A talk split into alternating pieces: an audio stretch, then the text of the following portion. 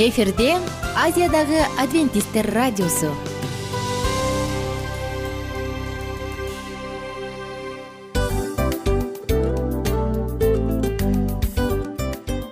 Достор салют.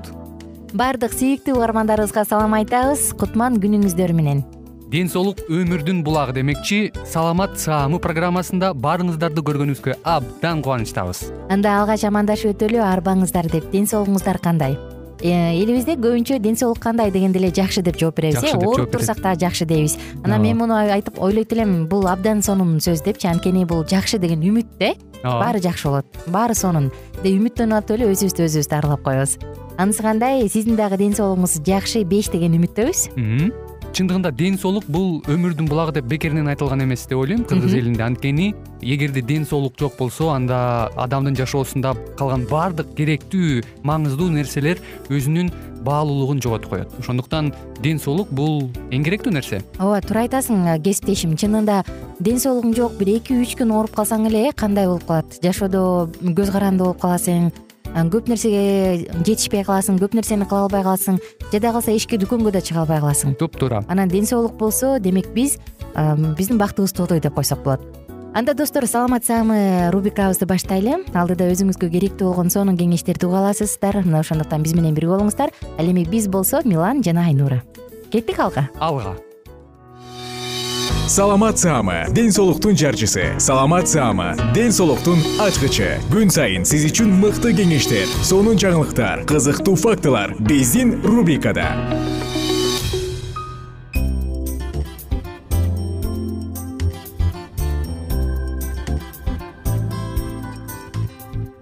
саламатсыздарбы достор? Сиздер менен бирге саламат саама рубрикасы жана менин аты жөнүм айнура миназарова. Бүгүнкү биздин коногубуз бар төрүбүз бош эмес. Эжекебиз бишкек шаардык мамлекеттик санитардык эпидемиология көзөмөлдөө борборунан келген тамак аш бөлүмүнүн санитардык врачы иманкулова майрам жытымышевна жана сиздер менен бизге бир биз тамак жөнүндө сөз кылып атабыз тамак аш жөнүндө тамакты кантип туура даярдаш керек даярдап тамакка азык түлүк алып жатканда эмнеге көңүл буруш керек мына ушул жөнүндө анан кафе ресторандарда жасалган тамак аштарды текшересиздерби деп сурап өткөнбүз эжекебиз ооба биз барып лекция окуп текшерип турабыз деген. Анан улануу боло турган болсо кафеде ресторандарда сиздер кандай кылып жардам бере аласыздар? Сиздерге кандай кайрылса болот? Ошол жөнүндө балким жалпы калкка айта кетсеңиз жол жоболорун уулануу болгондо же тамак жакпай калса туура эмес даярдалган болсо эски тамак болуп калса.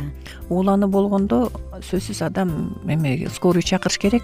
Скорый келгенге чейин жакшылап ич карнын жууш керек да көп көп суу ичсин кичине марганцовка кошуп ала кылып алыпчы анан аябай ашказан жуусун да андан кийин анан инфекционный больницага барыш керек. Эгерде скорый болбосо сразу эле түз эле барса болот инфекционный больницагачы. Ал жерден анан кийин врачтар анализ алып больницага жаткырып анан кичине эме болот. Эмне себептен? Анткени уулануу болгондон кийин ал уу кирди организмге уу кирди уу киргенен ал ууду чыгарыш керек ал ууду чыгарбаса болбойт. Ал тез эле тез аранын ичинде эле бир сааттын ичинде эле кан менен бүт организмге кетип калат. Ал уузачы эмнеге жана адам жанагы? Бул биз башында уу киргенди билбейбиз. Ал уу киргенден кийин бир алты сааттан кийин баарын баары бүт организмге сиңип кеткенден кийин барып анан биздин жана клиника башталып атат. Жана башы сооруганы алы кеткени жүрөк айланганы кусканы ичи өткөнү температура болгону башың тегеренип башың ошонун баардыгы жанагы уу заты плюс еще микроб өзү. Дагы уу зат чыгарат өлгөндөн кийин да чыгарат тирүүсүндө да чыгарат. Ушул заты дагы да уусу дагы. Эме болуп ошол дагы оор демек бул уже оор. Ошон үчүн больницага барып обязательно жана э, дарыланыш керек да дарыланыш керек. Ал эми э, э, жана кафелерге барганда тамак жакпай калса эми бул деле менин оюмча кардарлардын барган кишилердин өзүнүн уятынан го деп деле ойлоймун да бизге арыздар да көп эле түшөт. Анын баардыгын анализ жасайбыз да кээ бирлер болбогон жерден да жасагандар бар. Болбогон жерден деле бар да. Мисалы чачта болуп калса чач болуп калса да мейли. Өздөрү салып койгон убактар бар. Каралы бир эмени акырын түшүрүп коюп туруп тартып алып туруп анан жасай бергендер бар. Анткени эмне десең мен менен мага эме орой мамиле кылды мага орой жооп берип койду депчи. Жеке мамилени. Жеке мамиледен да. Андай уят го деп ойлойм андай нерсечи ооба. ооба. Ал өтө эле уяттуу нерсе го деп ойлойм а эгер чынында эле ууланып калган болсоңор же башка заттар түшүп калса эми кайсы заттар чач түшүп калабы тырмак түшүп калабы же бир кичинекей бир салфетканын учу түшүп калабы ошолордо бизге кайрылып кат түрүндө кайрылыш керек да. Кат түрүндө официальный кат түрүндө жазып келсин.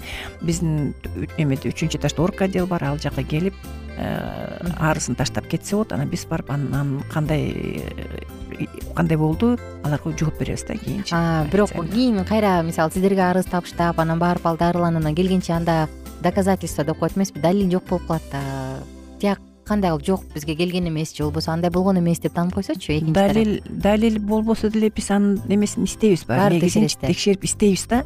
Мисалы менде бир окуя болгон да э, бир кичинекей металл скрепка сыяктуу түшүп калыптыр да скрепка эмес мындай кичинекей эле жанагы степлер немелер барго э ошондой кичинекей эме түшүп калыптыр түшүп калды деп жазган да бир балачы. Анан кийин барсам барып ошону текшерип келгенибизде ошол жердегилер айтат бул бала деген бир эмес экинчи жолу келип атат биринчи жолунда дейт. Өздөрү айтып калды да. Келгенде биз ага компенсация берип анан кетирсе кетип калган болчу дейт да. Тамак ашынан акча албай депчи анан мен айттым да бул экинчи жолу болуп атат дедим. Демек бир нерсе болгон дедим. Деп издеп келдик. Издеп аябай изилдедик да. Карасаң көрүнбөйт билбейсиң. Жок эми бирөө атай салып койбойт жок. Анан аягында карап келгенде жанаг котлет котлеттин упаковкасы бар да коет ооба ооба анан степлер мынтип коет эмеспи ошондо эле карап байкабай эле да. Баягы эме эле поварлар ачат да. Ошондо бирөө катып ача берсе керек катып ачса баягы учуп барып түшүп калса керек баягы эткечи эттен түшүп калып билинбей калыптыр анан котлеттин менен чыгып калыптыр да. А так каяктан этке түшмөк эле просто туура изилдеш керек да жолун билиш керек да. Анан ошол ушул алып келет силерди деп биз аларга үйрөтүп анан мер принимать этөбүз аларгачы. Жакшы анда демек тамак аш даярдоонун тамак ашты сактаганды тамак ашты кантип туура даярдаганын баардыгын тең кенен жооп ала алдык буюрса биз эмне дейбиз? Саатыбызды жыйынтыктап жатып эжекебизге эркин микрофон беребиз. Э, сизге эркин микрофон. Эми тамак аш жөнүндө сөз болуп аткандан кийин биринчиден мен элге кайрылып кетерим. Тамак аш сатып алып атканда байкагыла кайсы тамак ашты сатып алып атасыңар? Кандай тамак аш деген тазалыгын документтерин. Экинчиден даяр тамак ашап атканда асыр деген билесиңерде тиги америкадан да сүт келип атат америкадан тооктор келип атат россиядан болобу кытайдан болобу тамак аштар келип атат. Сүттү алып келгенде ойлоп көрсөңөр сүт деген бир эки сааттын ичинде эле ачып кетет негизиндечи а эмнеге бизде бир айлап эки айлап үч айлап ачпай жатат ошону ойлошуңар керек да. Демек аны алып атканда жанагы маркировкасын жакшылап окугула. Жакшылап окугула. Эмне бар экен составындачы эмне кошулду? Өзгөчө балдар кичинекей балдарга сатып алып атканда йогуртту салып атасыңарбы детский творог аласыңарбы абай эле балдардын ден соолугуначы ошонун баардыгын жакшылап изучать эткиле. Азыр баары грамотный да. И анан кийин кокусунан мен айтам да ар бириңердин ден соолугуңар өзүңөрдүн колуңда эгерде силер коопсузданып атсаңар бирдемеден тамак ашты жебей эле койгула беш сомду экономить этем деп ден соолугуңарды полностью жок кылып албагыла да. Ошону суранып кетер элем элдергечи мүмкүн жакындарыңызга салам айтып кетесиз өзүм негизи таластын кызы болом. Турмушка бишкекке чыкканмын да фрунзага. Анан ошо кайын журтума э, салам. Анан бир туугандарыма тетиги кыргызстан кенен эмеспи таластан баштап тети кеминге чейин көлгө чейин баарыңерге салам. Аман эсен болгула ден соолукта болгула ушинтип мага микрофон э, свободный микрофон берген айнурага чоң рахмат ушинтип силерге салам бергенгечи достор биз эжекебиз менен коштошобуз дагы бул уктуруубузду жыйынтыктайбыз. Коногубуз бишкек шаардык мамлекеттик санитардык эпидемиология көзөмөлдөө борборунун тамак аш бөлүмүнүн санитардык врачы иманкулова майрам жетимишовна болду. Сизге терең ыраазычылык айтам алтындай убактыңызды бөлүп келип элибизге эң баалуу кеңештерди бергениңиз үчүн анткени тамаксыз жада калса жаныбар да жашабайт э. Адам да айтпай эле коелу ал эми биз болсо тамак ашты алалы тамак ашты кененирээк кылалы витаминдеп жейли деп анан жан уруп иштеп келген аталарыбыз дагы абдан көп. Мына ошондуктан эмне алып жатасыздар кандай алып жатасыздар кандай даярдап жатасыздар? Өзүңүздөрдүн көңүлүңүздөрдү сөзсүз түрдө ушуга бургула деп чакырмакчыбыз. Оорубаңыздар адамдын биринчи байлыгы ден соолук. Ошондуктан ден соолугуңуздар дайым бар болсун сиздер менен коштошом. Сизге болсо ишиңизге ийгилик каалайм албан албан ийгиликтерди каалайм багындырып жүрө бериңиз. Жана шыдыр жол ак жол каалайм. Чоң рахмат. Сиздердин дагы радиоңузга чоң ийгиликтерди каалаймын сиз өзүңүзгө дагы. Чоң рахмат. Бар болуңуздар достор. Кайрадан кийинки уктуруудан амандашканча. Саламат саама. Ден соолуктун жарчысы. Саламат саама. Ден соолуктун ачкычы. Күн сайын сиз үчүн мыкты кеңештер сонун жаңылыктар кызыктуу фактылар. Биздин рубрикада салют замандаштар баарыңыздарга ысык салам. Дил маек программабызга кош келиңиздер. Дил маек рубрикасы дегенде эле бул эмне болгон дил маек? Ким менен маектешебиз деп сурайт болуш керек угармандарыбыз. Бул рубриканы кыскача тааныштыра кете турган болсок ар тарап кесип ээлеринен болгон сонун интервью кеңештер бар. Жылдыздар менен болгон маек бар. Аталарыбыздын агаларыбыздын чоң аталарыбыздан сонун кеңештер бар. Ошондой эле эже сиңдилердин кеңештери бар. Айтор баардык кызыктардын баары алдыда негизи эле адам баласы бир кимдир бирөөнө ишенип сырын ачкысы келет эмеспи э? мындай баарлашууга жакын келебиз го. Албетте. Негизи бир жерге отуруп алып кенен шашпай баягы жүрөктөн жүрөккө ачып сырларыбызды ар кандай көйгөйлөрүбүз менен бөлүшүп баягы чын жүрөктөн маек курганды кимибиз сүйбөйбүз э? Ооба десең ал нерсеге суусап да келебиз да. Ооба кээ бирде адамга чындыгында баягы э, ысык маек баягы жылуу маек жетишпейт да. Ошондуктан биз ушул рубриканы ойлоп тапканыбызда эң биринчи эле достор сиздер менен чын жүрөктөн бир маңыздуу темаларды козгоп кеткени э, кааладык. Ошондуктан ушундай сонун бир рубриканы тартуулап жатабыз. Анын үстүнө радио дагы сонун дос да анткени э, мындай учурда досуңа айтсаң досуң досуна айтат досу досуна айтат да анан бүт өлкө билип калышы мүмкүн го. А радио болсо сени сатпаган сенин айыбыңды ачпаган сенин сырыңды эч кимге айтпаган сонун дос ошондуктан биздин алдыдагы айта турган кеңештерибизди биздин досторубуздун кеңештерин угуп анан ал жака пикириңизди дагы калтырып кайрадан биз менен байланышсаңыздар болот. Деги эле жашооңузга эгерде кичине болсо дагы өзгөрүү алып моралдык жактан моралдык жактан сонун бир кеңештерди алсаңыз демек биз максатыбызга жеттик. Ооба. Чыңгыз атабыз улуу жазуучу э, чыңгыз айтматов айткандай адам болуу бул күнүмдүк процесс экен. Күн сайын адам бойдон калуу бул адамзатка эң эле кыйын дейт э? э эң кыйын дейт. Чындыгында бунун э, негизинде адамдын эң баягы сапаттуулугу адамдын э, адамгерчилиги жана көптөгөн керектүү нерселер. Мына ошол темалар дагы бизде ушул дил маекте биз аларды да козгойбуз. Ден соолук жөнүндө дагы сүйлөшөбүз. Сөзсүз түрдө анан милан мырза негизи айтып коюшат го. Биз көбүнчө эмнени ойлонсок? Ошол нерсеге карата иш кылабыз го. Ооба. Анан анысы кандай? Балким бул радио баракчада кимдир бирөөнүн оюн текшергенге жардам берет. Кимдир бирөөнүн жүрөгүн текшергенге жардам берет. Балким кимдир бирөөгө жашоонун маңызын тапканга жардам берет айтор кызыктын баары алдыда бул жөн гана кыскача жарнама анда угармандарыбыздын баардыгын кийинки рубрикабызга чакырабыз. Ал эми кызматта маңдайымда отурган кесиптешим милан жана мен айнура. Анда эмесе биз даярдаган терең терең ойлор менен таанышууга кеттик. Алыс алыс баралык. Анда эмесе достор биз менен бирге болуңуздар. Алдыда эң кызыктуу маалыматтардын баардыгы бир нече мүнөттөр бою жалгыз гана сизге арналат. Мына ошондуктан жакшы маанай менен угууну каалайбыз. Үн алышканча. Жөнөдүк. Ар түрдүү ардактуу кесип ээлеринен алтын сөздөр жүрөк ачышкан сыр чачышкан сонун маек дил маек рубрикасында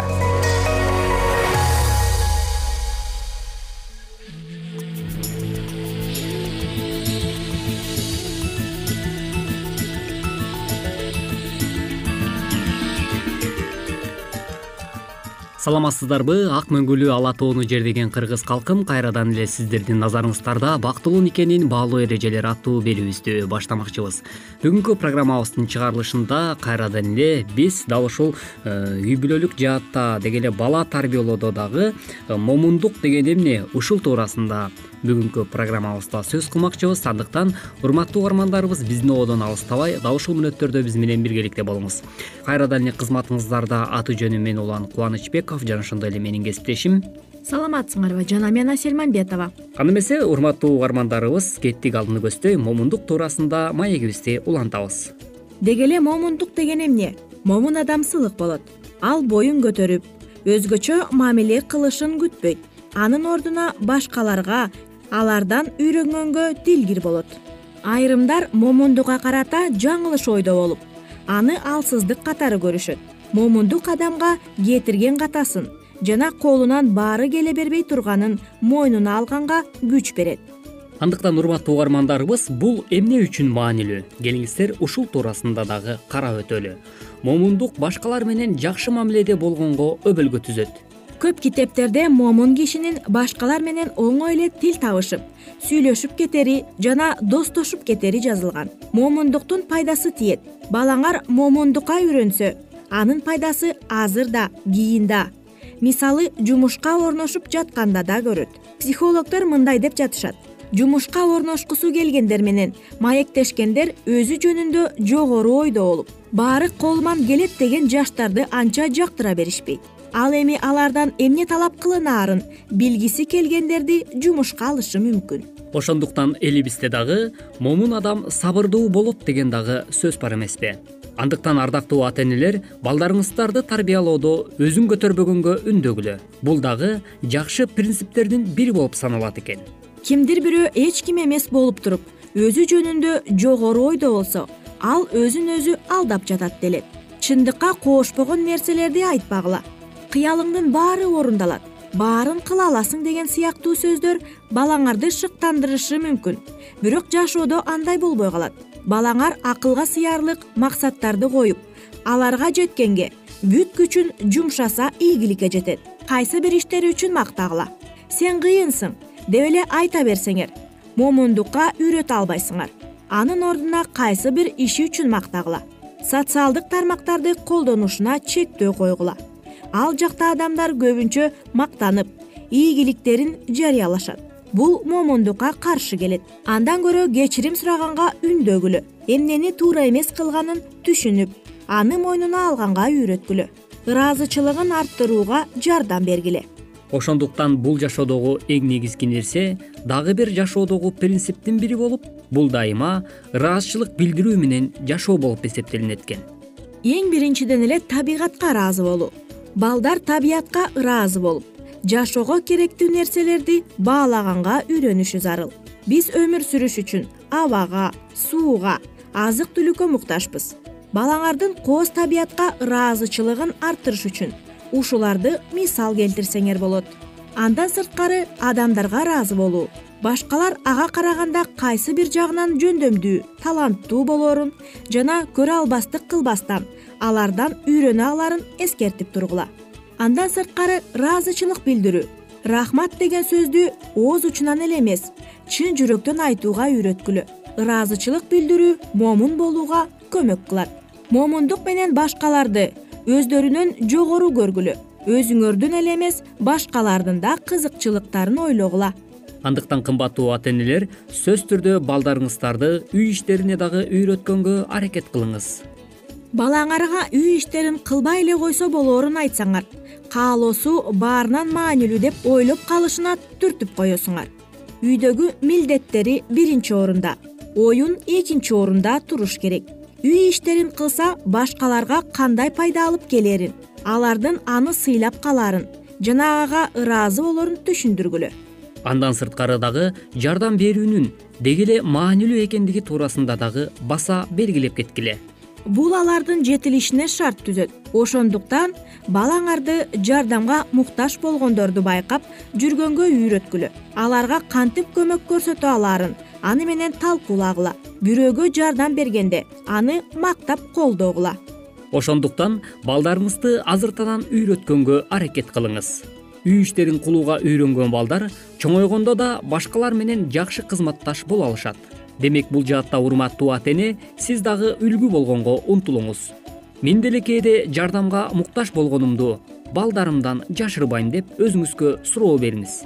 Башкалар жөнүндө оңой маанайда сүйлөп аларды мактаймбы? Же басынта беремби деп дагы ойлонгонуңуз жакшы. Демек мындай да башкаларга жардам берүү маанилүү деп эсептегенимди балдарыма дагы көрсөтөмбү? Бул жаатта дагы ойлонгонуңуз абдан жакшы.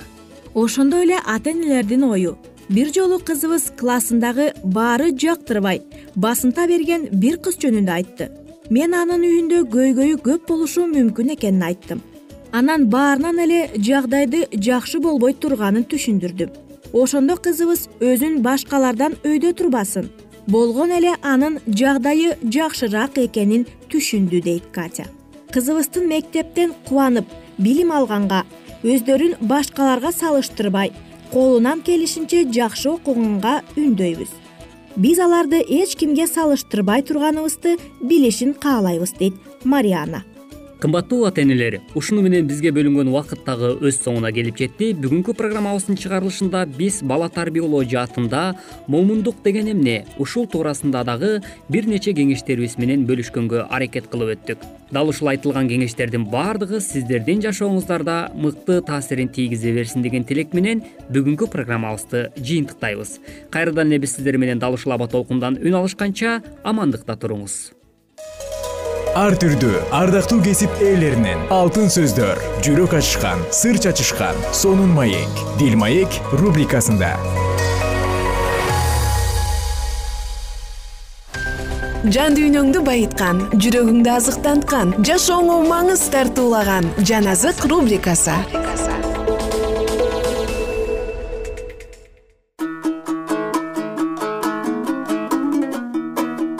кутмандуу күнүңүздөр менен достор. Кайрадан сиздер менен амандашканыма абдан кубанычтамын. Жана бул уктурууда сиздер менен бирге жан азыкта забур китебин окуганды улантабыз. Биз менен бирге болуңуздар. Алтымыш сегизинчи забур. Ырчылар тобунун башчысына. Шошаним күү аспабы менен дөөттүн забуру. Кудай мени куткар. Анткени суулар менин жаныма чейин жетти. Мен терең сазга батып калдым. Бут коерго жер жок суунун терең жерине кирдим. Суунун шарагымы мени ала салдырып бара жатат. Жардам сурагандан чарчадым. Тамагым да кургап калды. Кудайымды күтө берип көзүм таалыды мени себепсиз эле жек көргөндөр башымдагы чачымдан көп. Мени адилетсиз куугунтукка алган душмандарым күчөп кетти. Мен алардын эч нерсесин тартып албасам да беришим керек экен.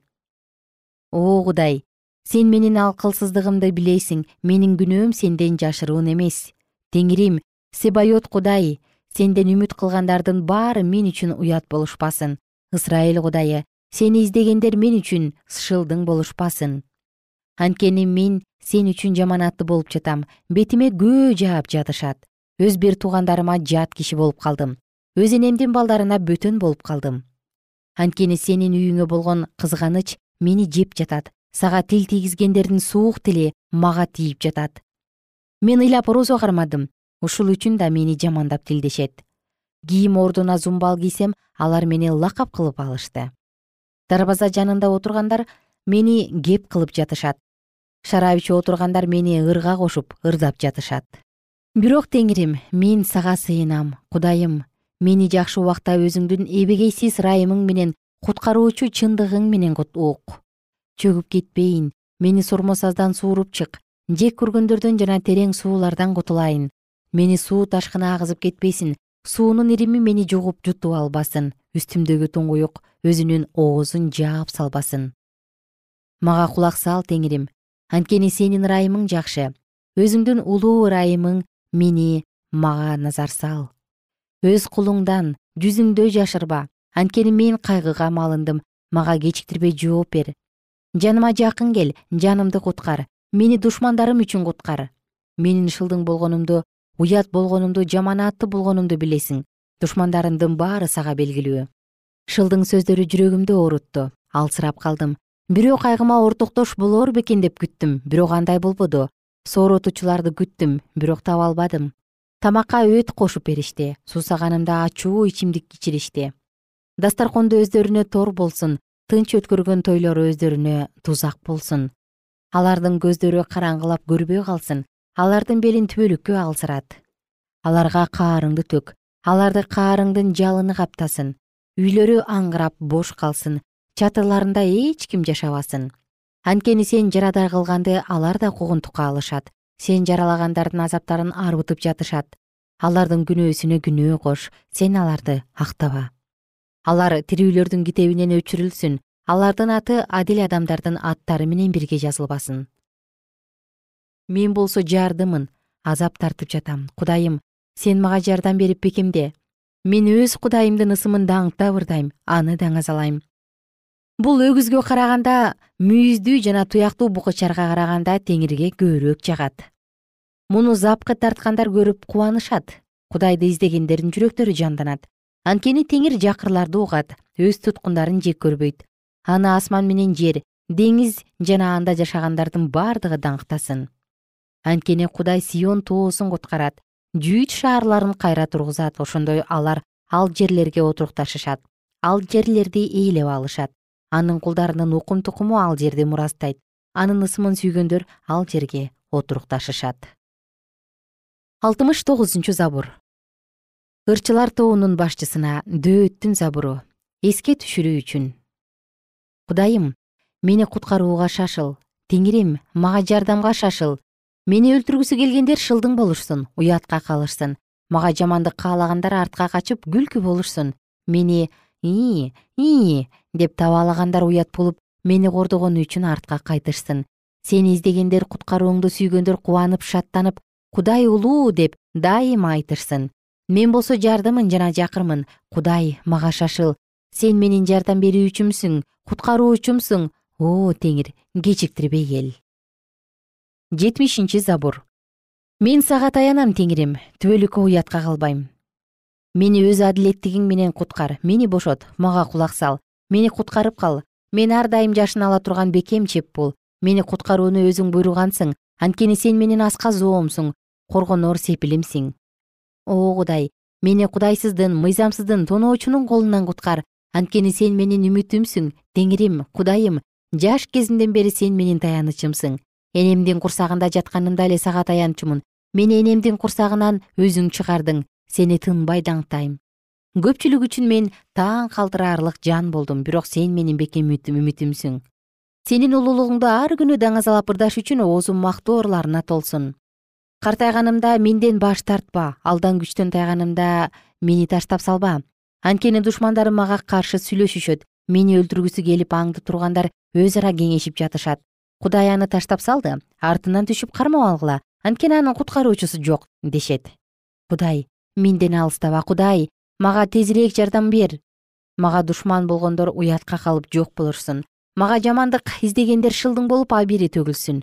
Мен болсо ар дайым сенден үмүттөнөм сени кайра кайра даңктай берем менин оозум ар күнү сенин чындыгыңды сенин улуу иштериңди жарыя кылат мен аларды сынай албайм. Теңирдин кудурети жөнүндө ойго батам. Сенин чындыгыңды бир гана сенин чындыгыңды эске алам. О кудай! Мени жаш кезимден бери үйрөтүп келе жатасың. Азыркыга чейин сенин кереметтериңди жарыя кылып келе жатам. Кудайым мени карыганымда да чачым агарганда да калтырба. Сенин күчүңдү ушул тукумга сенин кудуретиңди келе жаткан тукумга жарыя кылганча мени таштаба о кудай адилеттигиң асманга жетет. Сен улуу иштерди жасадың. О кудай сага ким тең келе алат? Сен менин башыма оор кайгыны көп салдың бирок кайрадан тирилтип алдың. Жердин түбүнөн кайра чыгардың. Сен менин көтөрүп тургансып мени сооротуп тургансың. Ошондуктан мен сени кудайым. Сенин чындыгыңды арфа чертип даңктайм гусли менен сени мактап ырдайм. О ысрайылдын ыйык кудайы! Сен жөнүндө ырдап жатканда оозум да өзүң куткарып алган жаным да кубанат. Менин тилим да ар күнү өзүңдүн чындыгыңды жарыя кылат. Анткени мага жамандык издегендер уятка калышты. Шылдың болушту. Достор биз уктуруубузду кийинкиде улантабыз. Биз менен бирге болуңуздар.